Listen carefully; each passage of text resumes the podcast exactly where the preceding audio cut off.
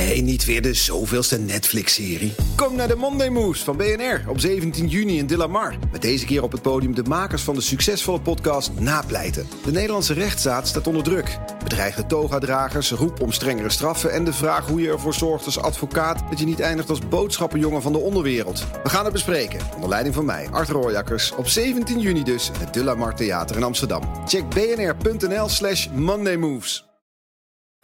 BNR's Big Five van de schulden en geldzorgen wordt mede mogelijk gemaakt door financieel fitte werknemers.nl. Een initiatief van Wijzer in Geldzaken. BNR Nieuwsradio. The Big Five. Diana Matroos.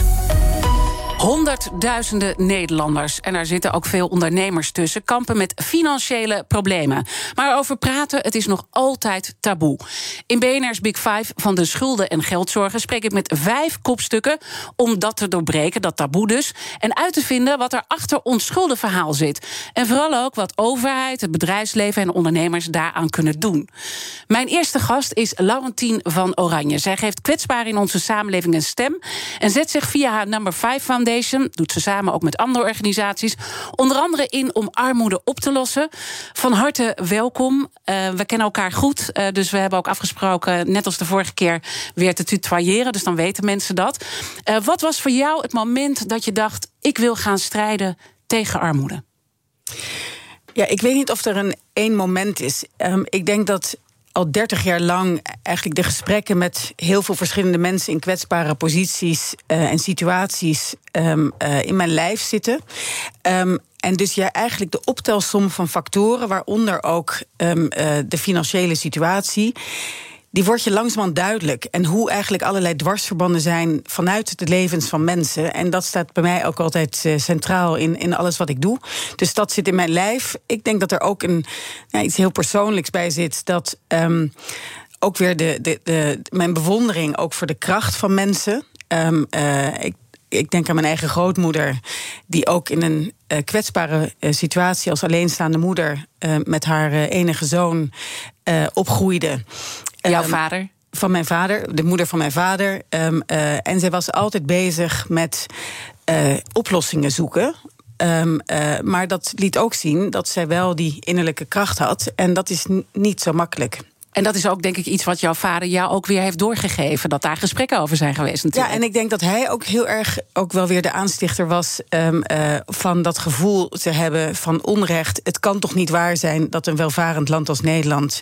met alle middelen, uh, alle uh, partijen die hier samen zijn in, in het veld... Um, en de daadkracht die we hebben dat we maar niet, het ons maar niet lukt om het te doorbreken. als het nou gaat om kinderen of, of onder volwassenen. Dus ik denk dat het die, die optelsom is. En natuurlijk heb je ook, uh, zeker ook vroeger, de wereld rondgereisd. ook uh, gestudeerd in het buitenland. Zijn daar ook zaken opgevallen als het gaat. Uh, nou ja, hoe het armoedeprobleem in elkaar zit? En zijn wij dan er erger aan toe in Nederland of juist niet? Nou, ik denk. Um, wat mij in Amerika heel erg is bijgebleven, dus nou, meer, dan, meer dan 30 jaar geleden, was um, uh, dat het iedereen kan overkomen. Um, dat het een, een aaneenschakeling van evenementen ook is. En dat het niet een soort statische situatie is. Um, uh, ja, en dat herken ik ook heel veel in gesprekken met mensen hier in Nederland. Uh, ik schrik van het getal dat wij op de nummer 25 staan van de lijst van 27 landen. Uh, van het percentage dat we uh, van kinderen die we uit de armoede halen. Um, en dan denk ik, ja, dan doen we dat op dat gebied dus niet heel goed. Helder, daar gaan we zeker ook nog over praten, over uh, kinderarmoede. Maar laten we eerst eens even kijken wat er nou opvalt in alle gesprekken uh, die je voert. Hè? Want je bent iemand die er niet alleen uh, over praat, maar vooral ook met de mensen praat die het allemaal meemaken. Dat zijn dus kinderen die betrokken zijn bij de toeslagenaffaire, maar ook kinderen die door andere redenen in de armoede terecht zijn gekomen. Maar ook heel veel volwassenen die je spreekt. Wat valt er nou op aan die gesprekken? Uiteindelijk gaat het over de diepe behoefte van regie te hebben van eigen, over je eigen leven. Dat is de diepst menselijke behoefte uh, die iedereen verdient, die iedereen uh, wil hebben. Um, uh, het valt op dat, je, um, dat de omgeving heel belangrijk is. Dus hoe heb je een sociaal netwerk? Heb je een opvang? Heb je vertrouwenspersonen met wie je kunt spreken? Um, heb je mensen die je net even zien en een klein steuntje in de rug geven? Dus ik denk dat het. En, en ook wel weer hoe moeilijk het is om hulp te vragen. Dat herkennen we allemaal. Terwijl eigenlijk we het heel erg organiseren vanuit mensen hulp bieden. En slaan we niet de stap over soms om te snappen hoe ingewikkeld dat is om daar überhaupt te komen. Dus alle kleine stapjes.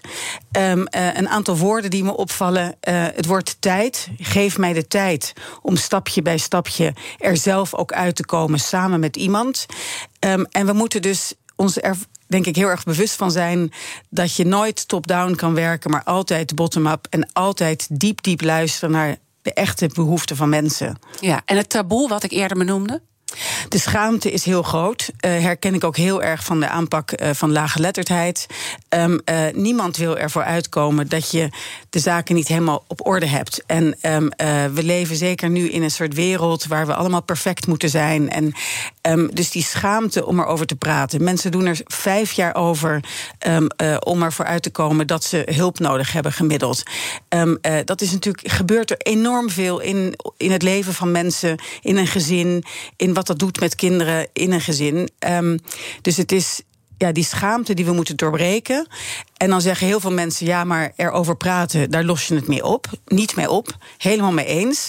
Maar daar begint het wel mee. Ja, we gaan straks ook praten over die oplossing, uh, uiteraard. Maar het gesprek is heel erg eh, belangrijk om daarmee te beginnen. Is er een moment dat je echt ook, want je praat dus met heel veel volwassenen, met kinderen. Is er een moment dat jij nog geraakt wordt na alles wat je hebt gehoord? Ja, absoluut. En ik denk dat het moment, um, uh, dat moet je ook altijd blijven doen. Volgens mij, het, je kunt het nooit helemaal weten. En daar ben ik me zeer bewust van. Ik ook, um, uh, dat ik niet ben opgegroeid uh, in armoede. Dus heb je maar één manier om de waarheidsbevinding naar boven te laten eh, eh, komen. En dat is om te spreken met heel veel verschillende mensen. Um, dat armoede meer is dan geld alleen. Dat het gaat over stigmatisering. Mm -hmm. Over die hele dunne balans, wat ik eerder zei, over ja, je wil eruit komen, maar je wil ook weer niet geholpen worden. Je wordt gestigmatiseerd. He, um, het initiatief, het, wat me heel erg bijblijft, is dat kinderen zeggen: um, uh, ja, fijn dat er een pas is om mensen om, om ons ondersteunen. Maar die pas vanuit de stad die stigmatiseert ook. De ja. stadspas in ja. allerlei verschillende steden. Maar die stigmatiseert ook. Waarom geven we niet alle kinderen een pas en zetten we bij de een er wat meer op dan bij de ander? Ja, dat soort creatieve oplossingen, daar, daar gaan we het zo over het, hebben. Uh, daar ontbreekt ja. het nog aan. Maar is er dan één voorbeeld, één moment van een uh, nou, volwassene die je hebt gesproken, bijvoorbeeld, waarvan je zegt: dit raakt me gewoon? Ja, heel, heel veel verhalen. Um, uh, iemand in mijn eigen team um, uh, kwam bij ons uh, dankzij een geweldig initiatief van de gemeente Den Haag om mensen met een afstand, afstand tot de arbeidsmarkt weer aan het werk te helpen. Ze was in de schulden terechtgekomen en daardoor ook een heel laag zelfbeeld, laag gevoel van, van zelfvertrouwen. En we hebben haar weer eigenlijk, of ze heeft zichzelf vooral ook op de rit gezet. Maar we hebben een veilige omgeving gecreëerd om weer stapje voor stapje uit de schulden te komen. Um, uh, afspraken gemaakt, het overzicht gemaakt. En vier jaar later kwam ze laatst, en dat, ja, dat deed me enorm veel, kwam ze met de brief waarbij ze vanuit de gemeente had ge, ge, gehoord: je bent schuldenvrij. Um, uh, en wat ik dan jammer vind, is waarom er dan net niet een zinnetje bij staat: je mag trots op jezelf zijn. Dus dat menselijke die menselijke inleving uh, vind ik dat er soms nog wel heel erg ontbreekt. En dan zien we natuurlijk ook als het gaat om de toeslagenaffaire. Tijdens Prinsjesdag werd bekendgemaakt dat er nog eens 1,1 miljard euro wordt vrijgemaakt voor de afhandeling daarvan. In totaal is er 5,2 miljard euro ingestoken. Dat is natuurlijk gigantisch veel geld. Uh, is dat dan uh, genoeg? Uh, of ontbreekt daar nog iets aan? Um, ik ga verder niet in over, de, over die, die, bedragen. Maar wat het belangrijkste is, en wat ook eigenlijk alle verhalen waar ik nu, nu heel veel verschillende kinderen, jongeren en, en ook ouders uh, heb gesproken, dat is dat gevoel van dat het lang, dat het het, is bepalend geweest voor, voor jarenlang in hun leven. Uh, kinderen zeggen mijn jeugd komt niet meer terug. Ik ben te jong volwassen geworden. Um, uh, ik heb moeten dealen met dingen waar een kind eigenlijk niet mee zou moeten dealen. Um, uh, en wat, er, wat we volgens mij wat zij vragen eigenlijk is: A, zie ons als mens. Ga ons niet stigmatiseren als uh, de ene doelgroep of de andere doelgroep. En zorg ook dat we een lange termijn visie hebben over het leven op de rit krijgen van kinderen, van jongeren, van, van ouders. Waarin ook het gevoel van hele uh, heel erg belangrijk is. Want ze, ze vragen ook. Het, het vraagt iedere dag eigenlijk weer stapje voor stapje om onszelf weer terug te vinden. En het heeft denk ik ook met uh, vertrouwen te maken of wantrouwen. Want als je als kind opgroeit in zo'n situatie, hè, met een, de blauwe enveloppen die dan uh, weer op de deurmat liggen, de stress die dat allemaal geeft in een gezin, wat voor effect kan dat hebben op de langere termijn? Ja, het kan. Eh, wat de kinderen en de jongeren zelf zeggen, is dat, het, uh, dat, dat ze dat, dat ze inderdaad die stress ervaren. Um, uh, dat, ze, dat ze zeiden van uh, misschien moet de kleur van de envelop wel anders. Het heerlijke van kinderen en jongeren is dat ze dan ook met hele praktische oplossingen komen. Um, uh, het, je ziet dat het veel stress oplevert tegelijkertijd ben ik ook enorm onder de indruk van de, van de weerbaarheid en van de kracht ook van de jongeren. Dat ze ook wel echt het verschil onder woorden brengen van dat zij weer net anders hier tegenover staan dan de ouders, die bestempeld zijn als uh, fraudeur. En dat zijn zij niet. Zij, zij, zij brengen dat heel scherp onder woorden. Maar het belangrijkste is. We willen door met ons leven. We hebben ons, ons hele leven voor ons. En we willen een gezonde relatie krijgen tot geld ook. The Big Five. Diana Matroos. Mijn gast is prinses Laurentien. Zij strijdt via haar Number 5 Foundation tegen kinderarmoede. Onder andere een van de maatschappelijke vraagstukken die zij bij de kop pakt. Uh, we gaan straks nog uitgebreid uh, praten over kinderarmoede. Maar ik vind het belangrijk om ook eerst naar de werkvloer te gaan. We zijn immers BNR, eh, veel ondernemers, werkgevers die naar ons luisteren. Hebt praat ook met tal van bedrijven over schulden en geldzorgen. En de daarbij komende armoede. En misschien denken mensen, uh, mensen die werken zijn niet arm, hebben geen uh, schuldenproblemen. Ik, ja, dat beeld klopt niet. Uh, maar misschien goed om nog even uit te leggen vanuit jouw optiek. Nou als het gaat om specifiek kinderen, uh, bijvoorbeeld ook in gezinnen van werkende ouders, twee derde van de kinderen uh, hebben ouders die, die werken. Um, en ik denk dat um, het, het beeld van uh, dat zijn mensen die geen baan hebben, dat zijn mensen die in de bijstand zitten. Um, dat alleen al vertroebelt eigenlijk onze, onze realiteitsbevinding. Uh, en dat verergert eigenlijk het taboe. Het zijn mensen zoals iedereen. In kwetsbare uh, situaties. Dus dat is denk ik waarom het, de rol van werkgevers ontzettend belangrijk zijn. En daarin zijn nog er zijn hele mooie voorbeelden, ja. maar er zijn ook eh, nog eh, heel veel stappen in te maken. Laten we beginnen met de mooie voorbeelden die je bent uh, tegengekomen. Want dan zitten daar waarschijnlijk ook de learnings in voor andere bedrijven. Ja, wat je, wat je ziet is, um, en het is echt een, een, een, mooie lijst, maar je ziet um, uh, bijvoorbeeld het ene bedrijf, het bespreekbaar maken binnen bedrijven is ontzettend belangrijk. Ook dat herken ik heel erg van de aanpak van lage letterdheid. Um, ik zie de, een, een, de NS, waar ik een bevlogen teamleider hoor praten over het bespreekbaar maken en ook streng zijn naar, vond ik een hele interessante uh, gegeven. je hebt een, een AAG, dat is een HR, een salarisadministratie eh, bedrijf. En die doen uh, trainingen in gesprekstechnieken. Um, maar ook een ADG-dienstengroep die een hele een gratis app hebben ontwikkeld. Um, uh, waar ze mensen met schulden koppelen aan een, aan een buddy. Um, de CSU die, een, die budgetcoaches ter beschikking stelt. Dus je ziet eigenlijk meteen al de hoeveelheid aan verschillende interventies. Wat aan de ene kant heel prachtig is. Aan de andere kant denk ik ook wel eens iedereen bedenkt weer ook wel een beetje nieuwe dingen. En dat is tegelijkertijd het probleem. Dat is een van de dingen dat. Um, um, een aantal dingen. Eén is de versnippering van, uh, van interventies.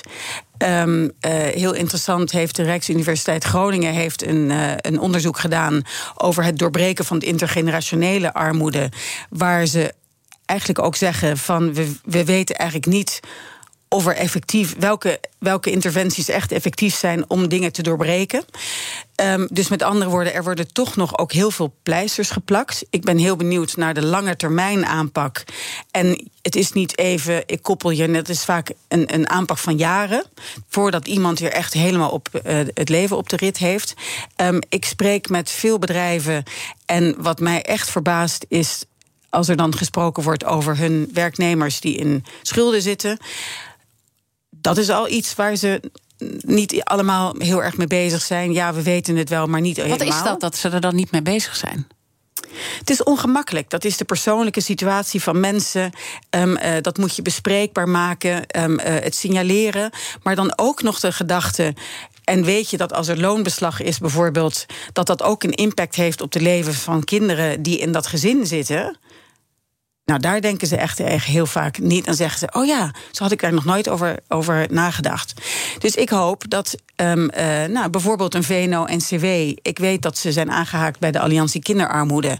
Maar ja, ik lees nog niet echt een structurele uh, gevoel van verantwoordelijkheid. Van ik voel, wij voelen ons hier mede verantwoordelijk voor om ervoor te zorgen dat het uh, dat het structureel wordt aangepakt. En ik denk dat die systemische aanpak het nog heel erg mist in Nederland. Dus het begint echt ook voor al die bedrijven om verantwoordelijkheid uh, te nemen op dit punt. En dan het begint met voelen, voelen. en dan te nemen. Ja, en, en, en uh, als ik dan kijk naar een onderzoek van het Nibud, die zegt 62% van de werkgevers heeft personeel met geldzorgen. Dus het is echt dan een, een groot probleem. Op welke signalen moeten werkgevers dan letten? Want misschien. Ja, ik bedoel, ja, loonbeslag, dat heb je natuurlijk door. Maar zijn er andere dingen waar je op moet letten? Ja, ik denk meerdere dingen. Um, um, gedrag van mensen. Terug naar mijn eerdere punt. Uh, kijk naar mensen. Het is ook um, uh, ja, hoe erg verbonden ben je met de werknemers? Um, uh, zijn ze gestrest? Uh, zijn ze prikkelbaar? Um, uh, gedragen ze zich, zich anders? Ziekteverzuim. Er is een grote correlatie tussen mensen in schulden en ziekteverzuim. Um, in sommige domeinen vragen ze een voorschot op hun salaris. willen, ze willen ze heel veel overwerken? Maar ook thuissituatie.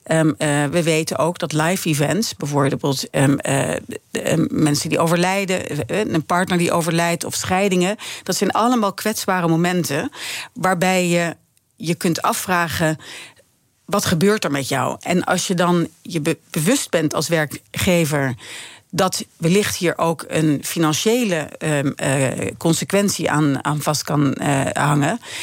Dan kun je dat van daaruit het gesprek aangaan. Dus het gaat ook heel erg over: zie je je werknemer en durf ook je te realiseren dat er die thuissituatie is.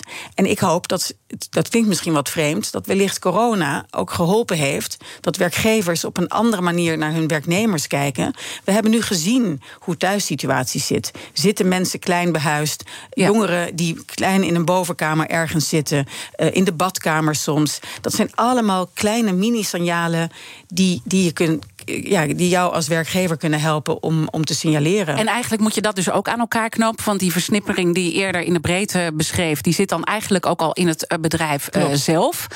En je noemde dan uh, VNO-NCW van ja, je hebt nog niet echt uh, concrete actie uh, gezien als het gaat om verantwoordelijkheid nemen. Wat zouden zij dan concreet moeten doen om dit verder te brengen?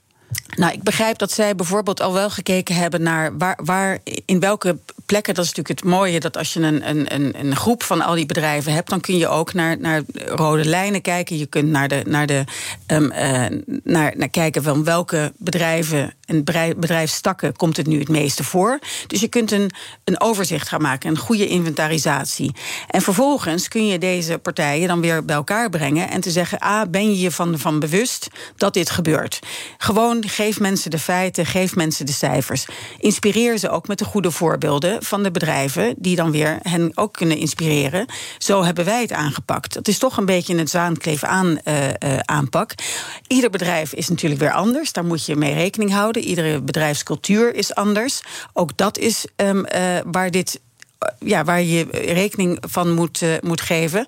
En vervolgens zou je kunnen zeggen: van ja, wat, welke verantwoordelijkheid willen wij nemen als bedrijfsleven om deze toenemende um, uh, kloof in de samenleving um, te helpen dichten? En hoe zie jij dat? Wat voor verantwoordelijkheid zouden ze moeten nemen? Ja, ik ben niet iemand met een opgeheven vingertje. Dus dat vind ik lastig. Um, uh, ik denk alleen, terug naar mijn eerdere gevoel van... het kan toch niet waar zijn dat we dit niet willen oplossen met elkaar. En als je erover nadenkt wat de sociaal-economische consequenties ervan zijn... om dit maar door te laten uh, gaan... ja, dan zou ik zeggen, het is in ieders belang... ook van het bedrijfsleven en misschien wel juist van het bedrijfsleven... dat we een samenleving hebben waar juist iedereen het gevoel heeft... ik doe ertoe, ik doe mee en ik heb uh, dromen ja. en ambities en, uh, en die worden niet al heel op hele jonge leeftijd ook al um, uh, ingekort. Ja, dus, dus eigenlijk al dat ziekteverzuim, hè, dat is al één voorbeeld uh, wat je zou kunnen oplossen. Wat een bedrijf natuurlijk heel vervelend vindt als er een hoog ziekteverzuim is. Dus daar zit ook echt een belang van het bedrijfsleven zelf. Ja, ja en ik denk dat bedrijven het misschien ingewikkeld vinden um, om te gaan graven naar, de, naar die hoeveelheid van factoren. Waar zit het hem nu? En dat is natuurlijk het lastige als het gaat om het leven van mensen. Ieder mens is anders, iedere situatie is anders. Dan komen het grote woord maatwerk. Dat is ook nodig. Maar je kunt maatwerk organiseren vanuit de de rode lijnen, de, de, de, de, de, de, de grote lijnen die je uit die inventarisatie haalt. Zometeen praat ik verder met Laurentien van Oranje. En dan gaan we ook kijken hoe je nou daadwerkelijk het gesprek aangaat. Want het klinkt heel makkelijk om het gesprek aan te gaan met iemand die voor je werkt in het probleem. Maar dat is het niet. Blijf luisteren. Bij BNR ben je altijd als eerste op de hoogte van het laatste nieuws. Luister dagelijks live via internet. Bas van Werven. En heel langzaam komt de zon op rond dit tijdstip. Je krijgt inzicht in de dag die komt op BNR, het Binnenhof in Nederland en de rest van de wereld. De Ochtendspits. Voor de beste start van je werkdag. Blijf scherp en mis niets. BNR Nieuwsradio. The Big Five. Diana Matroos. Welkom bij Tweede Half Uur. Deze week praat ik met vijf kopstukken uit de wereld van de schulden en geldzorg. Later deze week ontvang ik nog staatssecretaris Dennis Wiersma. Hij maakt zich namelijk zorgen over ondernemers die met schulden blijven zitten na de coronacrisis. Mijn gast vandaag is Laurentien van Oranje, die met haar Foundation Number 5 maatschappelijke problemen ontrafelt en samen met de overheid, het bedrijfsleven en maatschappelijke organisaties zoekt naar een oplossing. En een van die maatschappelijke onderwerpen is armoede. Ik wil in ieder geval nog twee onderwerpen met je bespreken. Namelijk hoe we kinderarmoede kunnen doorbreken. En hoe het komt om uh, dat zo weinig mensen uh, nog maar gebruik maken van schuldhulpverlening. En om met dat laatste te beginnen. Ik schrik dan toch weer van zo'n cijfer. Slechts 14% van de mensen met schulden maakt gebruik van schuldhulpverlening. Dus dan denk ik, er is dus wel een oplossing. Maar heel weinig mensen maken daar gebruik van. Waarom is dat? Ja, ik denk dat dat uh, te maken heeft met het het denken vanuit het, het, het omdenken en het denken vanuit niet aanbod, maar vanuit de behoeften van mensen om wie het gaat. Waarom, waardoor het dus zo belangrijk is om altijd te praten met de mensen die in allerlei verschillende situaties zitten, die je precies kunnen zeggen, maar waar, waarom ga ik nou niet naar die hulp? Nou, wat, wat blijkt in allerlei gesprekken, om een paar voorbeelden te noemen. Um, um, uh, veel, veel, hulp is digitaal aangeboden. We weten dat er 2,5 miljoen mensen zijn die het lastig vinden. In, en zeker ook omdat uh, uh, armoede onder ouderen gemiddeld hoger is dan, dan, dan jongere mensen. Nou, dan zie je al dat is het kunnen omgaan met, met de digitale wereld heel belangrijk is om die hulp überhaupt te kunnen bereiken. Um, te zeggen: we hebben een, of een brochure of een loket. En we zorgen, we delen of de brochure uit. Ja, er zijn ook 2,5 miljoen mensen die moeite hebben met lezen en schrijven. Dus die folder zal waarschijnlijk niet. Uh, hoe mooi die ook is. Hoe mooi die ook is, niet aankomen. Het loket, um, uh, gekoppeld aan dat gevoel van schaamte. Je gaat niet zo makkelijk naar een loket. Dus het, de fijnmazigheid van hoe je het moet organiseren met elkaar als een soort ecosysteem. Heel erg proactief naar de mensen toe waar ik, enorme, uh, waar ik een enorme fan van ben, is heel veel initiatieven die heel dicht bij mensen eh, zijn, in buurten, in wijken, die de mensen kennen, die de situatie kennen. Gebruik deze netwerken die we hebben in Nederland. Dat is ook het mooie van, van hoe we het hier organiseren. Ga met deze partijen werken om heel dicht vanuit de leefsituaties van mensen uh, hen te bereiken. En dus proactief, uh, proactief. Omdat zij zelf heel moeilijk aan de bel trekken. Is ook een cijfer trouwens wat het ondersteunt. Gemiddeld duurt het vijf jaar voordat mensen met geldzorgen aan de bel trekken. En hun schuld is dan opgelopen tot gemiddeld 38.000 euro. Ze hebben gemiddeld 14 schuldeisers. Dat komt uit het NVVK-jaarverslag uit 2020. Eh, dat geeft dus aan dat heel veel mensen gewoon heel lang wachten. Mensen wachten heel lang en dan vervolgens vergeet niet dat je dan ook nog moet nadenken dan in welke staat is iemand. Die is in de stress. Um, uh, zoals mijn, mijn, um, uh, mijn collega, die dus weet vanuit ervaring hoe het is om te hebben, te, zijn, te hebben geleefd in schulden, die zegt: je kunt niet meer creatief nadenken. Um, uh, dus je hebt dat overzicht niet meer. Als je dan 14 schuldeisers hebt, dan zit je in het moeras. Dan weet je niet meer hoe je eruit moet komen. Dus die rust creëren, stap voor stap. En die aaneenschakeling van interventies eigenlijk proactief uh, met uh, mensen te gaan. Um, ja, van ja, wat zit er nu? Echt hand bij de hand nemen. Dat is belangrijk. Maar dat maakt het dan weer complex. Want, zoals ik al eerder zei. We vinden het ook ongemakkelijk om en niet prettig om te geholpen te worden, want we willen regie over eigen leven. Dus dat doorbreken van hoe zorg je nou het gevoel te hebben van aan en mensen het gevoel te geven: je kunt het stap voor stap, het is jouw leven. Mhm. En toch ze te helpen, ja, dat is ontzettend ingewikkeld. En neem ons dan eens even mee, want uh, er zitten misschien nu werkgevers te luisteren of iemand van HR die ook dit misschien best moeilijk vindt om uh, bij de kop te pakken.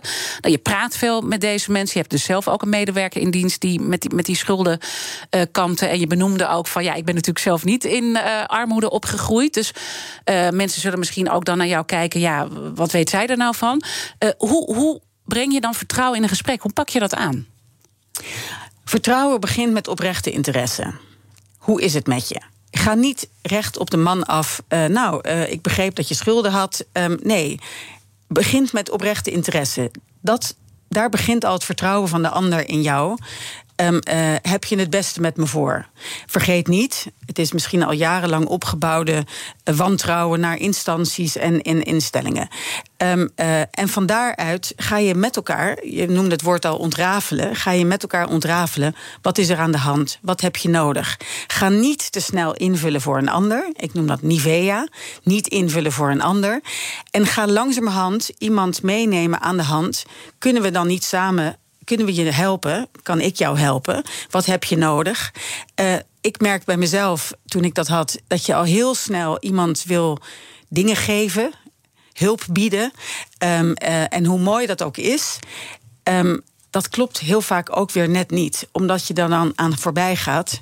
Dat ook deze mensen, dat, dat ja, iedereen dat gevoel wil hebben. Ik heb regie voor eigen, over mijn dus eigen leven. Dus het gaat om op te halen wat, wat die mensen dus zelf aangeven. Van eh, deze hulp heb ik nodig. Maar vallen daar bepaalde dingen op die ze vaak nodig hebben?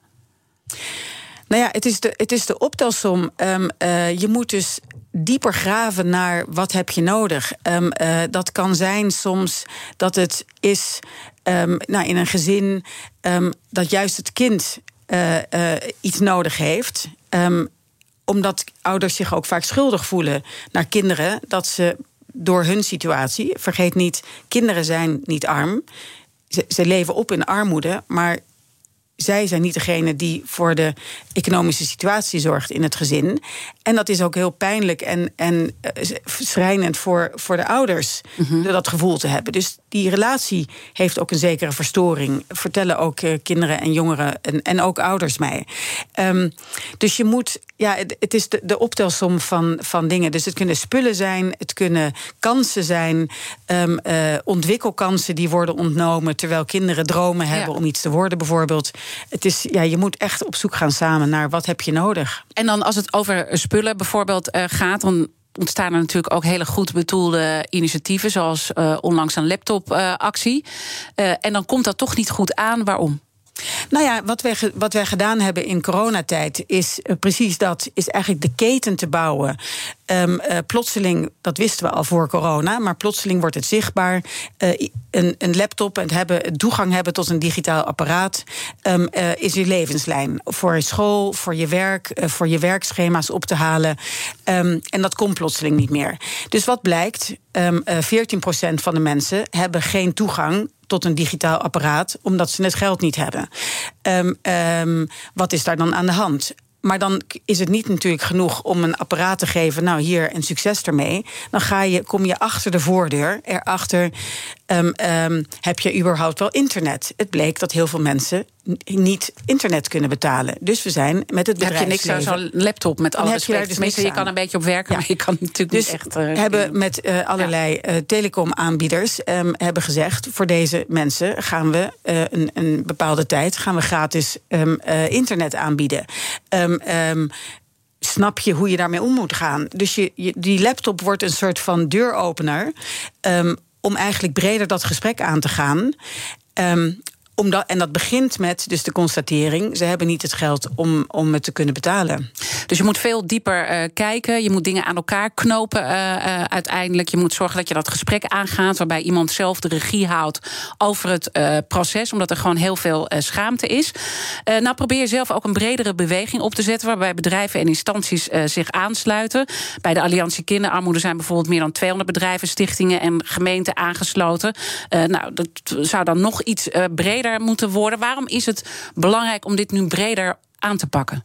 Ja, en ik wil wel ook. Eh, ik wil zeker niet um, uh, mezelf naar voren schuiven als degene die de beweging uh, start. Want die is er al. En al die partijen die doen al fantastisch werk. Alleen wat je ziet, ik noemde eerder het cijfer dat we in Nederland um, op nummer 25 staan van 27 landen. Van het percentage van kinderen dat we uit de armoede halen. Ja, dat is voor mij een bevestiging. We doen van alles, maar we lossen het probleem niet op. En dat kan alleen, volgens mij, als je die interventie gaat schakelen. En dat is ook dat onderzoek van de Universiteit uh, Groningen over intergenerationele armoede. Met andere woorden, het doorbreken van het eh, generatie op generatie uh, doorgeven van, van, van deze kwetsbare situatie waar je in zit. Dus we moeten met elkaar gaan zeggen: het gaat, je kunt niet de wereld scheiden van schulden, mm -hmm. met de wereld scheiden van armoede en van kinderarmoede.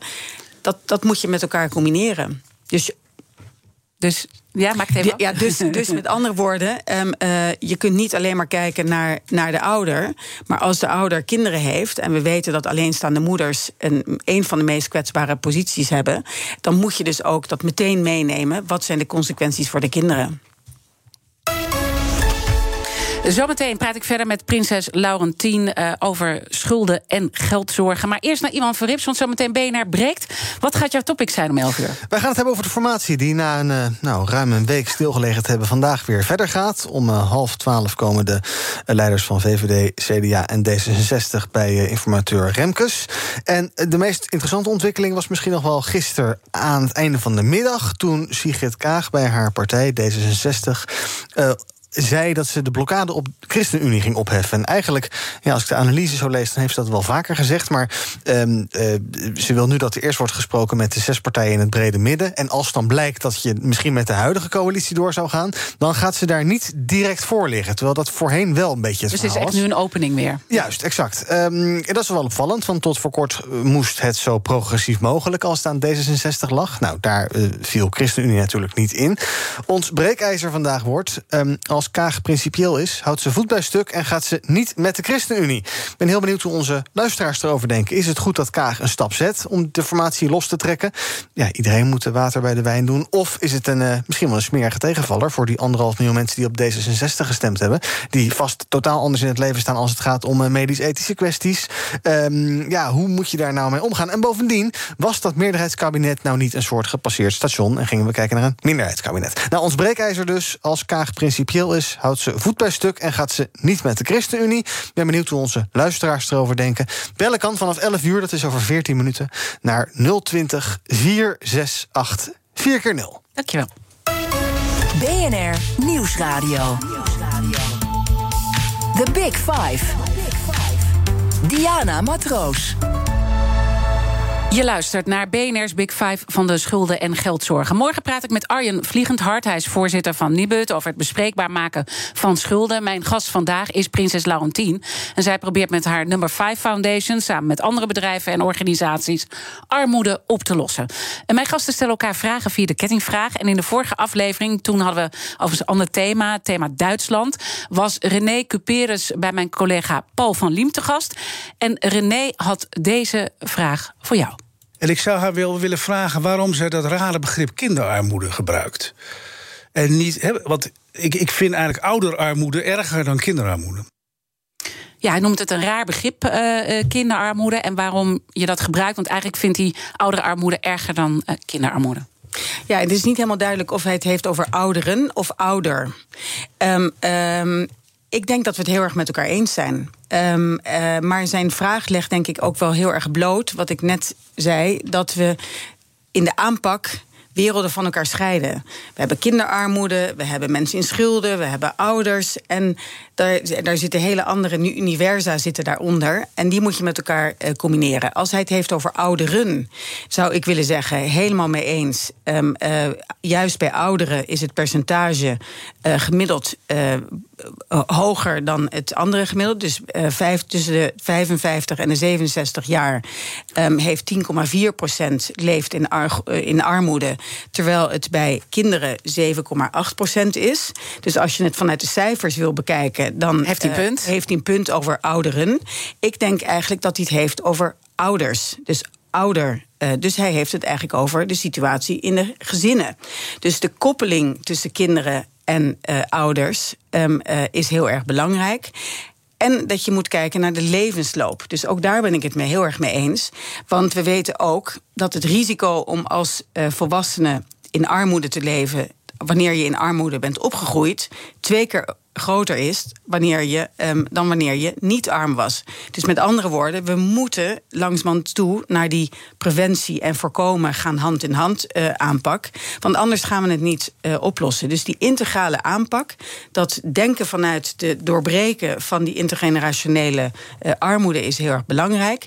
Dus met andere woorden, mijn antwoord zou zijn: niet of kinderen of ouders of ouderen, mm -hmm. wat ook zijn vraag is. Pas als we voorkomen en verminderen hand in hand laten gaan, dan zijn we op de goede weg. Maar dat vraagt wel om die echte samenwerking. En dat we ons realiseren dat iedereen maar een stukje van de keten aan het aanpakken is. En dan heb ik morgen natuurlijk uh, weer een nieuwe gast. Dat is Arjan Vliegendhart, voorzitter van Nibud. En die kettingvraag gaat natuurlijk door. Dus uh, als we dan even kijken naar die gast, wat zou je hem willen vragen?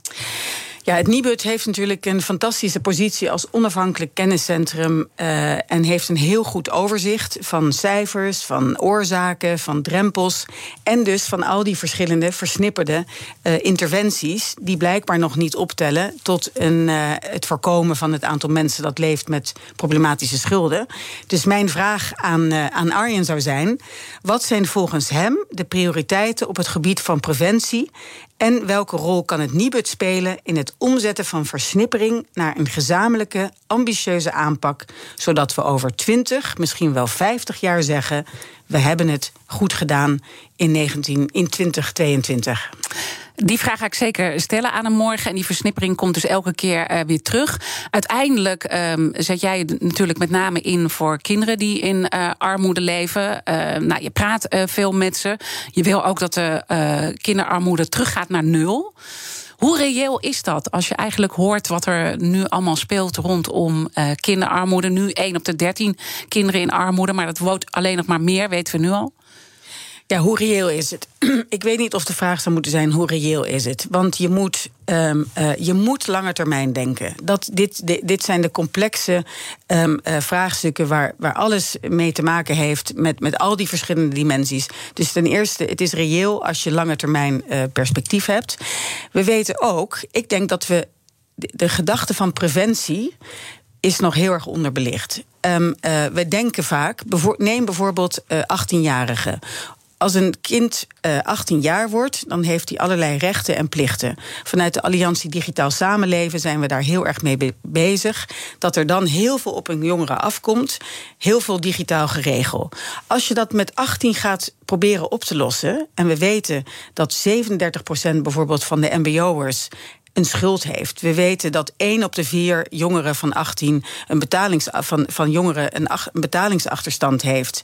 Um, um, dan weten we dus dat moeten we niet op 18 jaar aanpakken, maar dan moeten we helemaal aan de voorkant mee gaan beginnen. Um, Want uiteindelijk kost het iedereen dan heel veel geld. Het kost de staat heel veel geld. Het dus kost de bedrijven precies, We lopen denk ik heel lang achter de feiten aan. Mhm. Ehm, dat zijn we nu ook vanuit de Alliantie Digitaal Samenleven... samen met heel veel jongeren aan het ontrafelen. Wanneer is dat dan? Wat wil je dan? Het hele mooie is dat um, bijvoorbeeld 40% van de jongeren... die wil heel graag op jonge leeftijd leren over dat belasting betalen. Die, wil, uh, die willen leren over wat is dat dan precies, een zorgverzekering. Want we weten dat een zorgverzekering vaak een eerste indicatie is. Dat wordt als eerste niet betaald. Dus met andere woorden, het niet achter de feiten aanlopen. Dus echt gaan inzetten op preventie. Niet op het moment dat het zich voordoet, maar helemaal aan het begin. Misschien een hele rare uh, verbinding, maar daarom zit ik altijd zo op die taalontwikkeling. En juist ook op hele jonge leeftijd. Want we weten ook dat een taal um, taalvaardigheden mm alweer ook een indicatie is, is later in het leven voor hoe stevig iemand in het leven kan staan in de banen die ze kunnen hebben.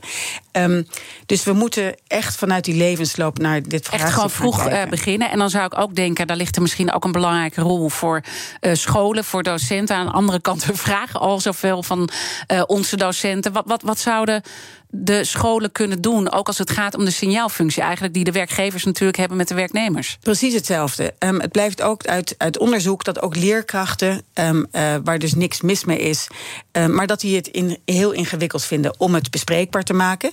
Weer precies dezelfde signaalfunctie. Kijk goed naar het kind. Uh, er wordt aangegeven uh, kleren, welke schoenen lopen ze, vakantiegesprekken, schooluitjes. Persoonlijke hygiëne is een belangrijke uh, indicator. Maar ook pesten en tracteren. Dat zijn allemaal situaties waarvan je kunt aanvoelen wat is hier uh, aan de hand. Um, ze zeggen vind ik een schrikbarend uh, uh, aantal, is dat 76% van de leerkrachten geven aan dat ze weten dat de thuissituatie en het opgroeien in armoede een impact heeft op de sociaal-economische ontwikkeling uh, van kinderen. Um, um, maar ze geven ook aan dat 54% van de leerkrachten en scholen um, nog nooit in contact zijn geweest met hulporganisaties. Terwijl we dus weten dat het om zoveel verschillende Eigenlijk dat eerste punt wat we natuurlijk benoemd hebben. Dus dan kom je toch weer uh, tot slot, hè, want we, we, zijn bijna aan het einde van deze aflevering of van deze uitzending. Morgen praat ik natuurlijk weer door. Uh, je komt dan toch bij dat ongemak uit. Eigenlijk wat, wat, wat we een aantal keer hebben benoemd, het taboe of het uh, ongemak. Uh, die documentaire die over de, de ouders van de toeslagenaffaire is niet heel goed bekeken. Angela de Jong heeft daar een column over geschreven in het AD dat ze ook moeite had om het uit te kijken. Ook ik wil het eigenlijk niet zien. Wat is dat ongemak wat we voelen met z'n allen?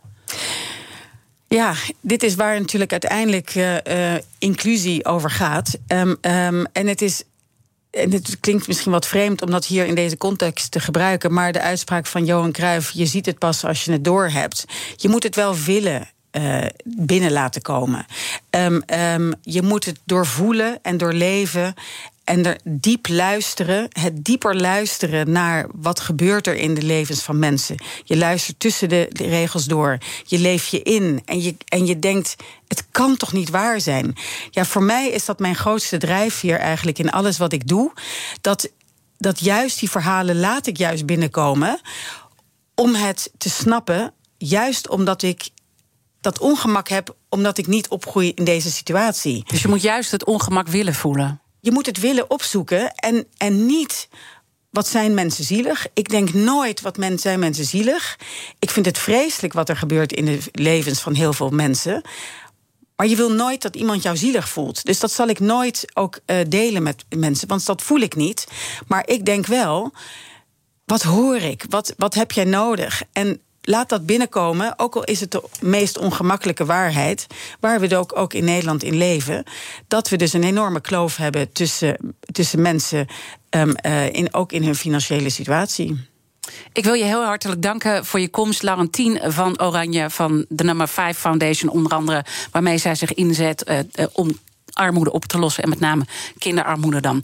Uh, natuurlijk zijn alle afleveringen van BNR's Big Five terug te luisteren. Je vindt de podcast in onze BNR-app. Of ga even naar bnr.nl. Maar blijf vooral de hele dag live hier op BNR. Zometeen weer een hele mooie BNR breekt met Ivan Verrips. Ik wens je een mooie dag. BNR's Big Five van de schulden en geldzorgen wordt mede mogelijk gemaakt door financieel fitte werknemers.nl. Een initiatief van Wijzer in Geldzaken. Bij BNR ben je altijd als eerste op de hoogte van het laatste nieuws. Luister dagelijks live via internet. Bas van Werven. En heel langzaam komt de zon op rond dit tijdstip. Je krijgt inzicht in de dag die komt op BNR, het Binnenhof in Nederland en de rest van de wereld. De Ochtendspits. Voor de beste start van je werkdag. Blijf scherp en mis niets.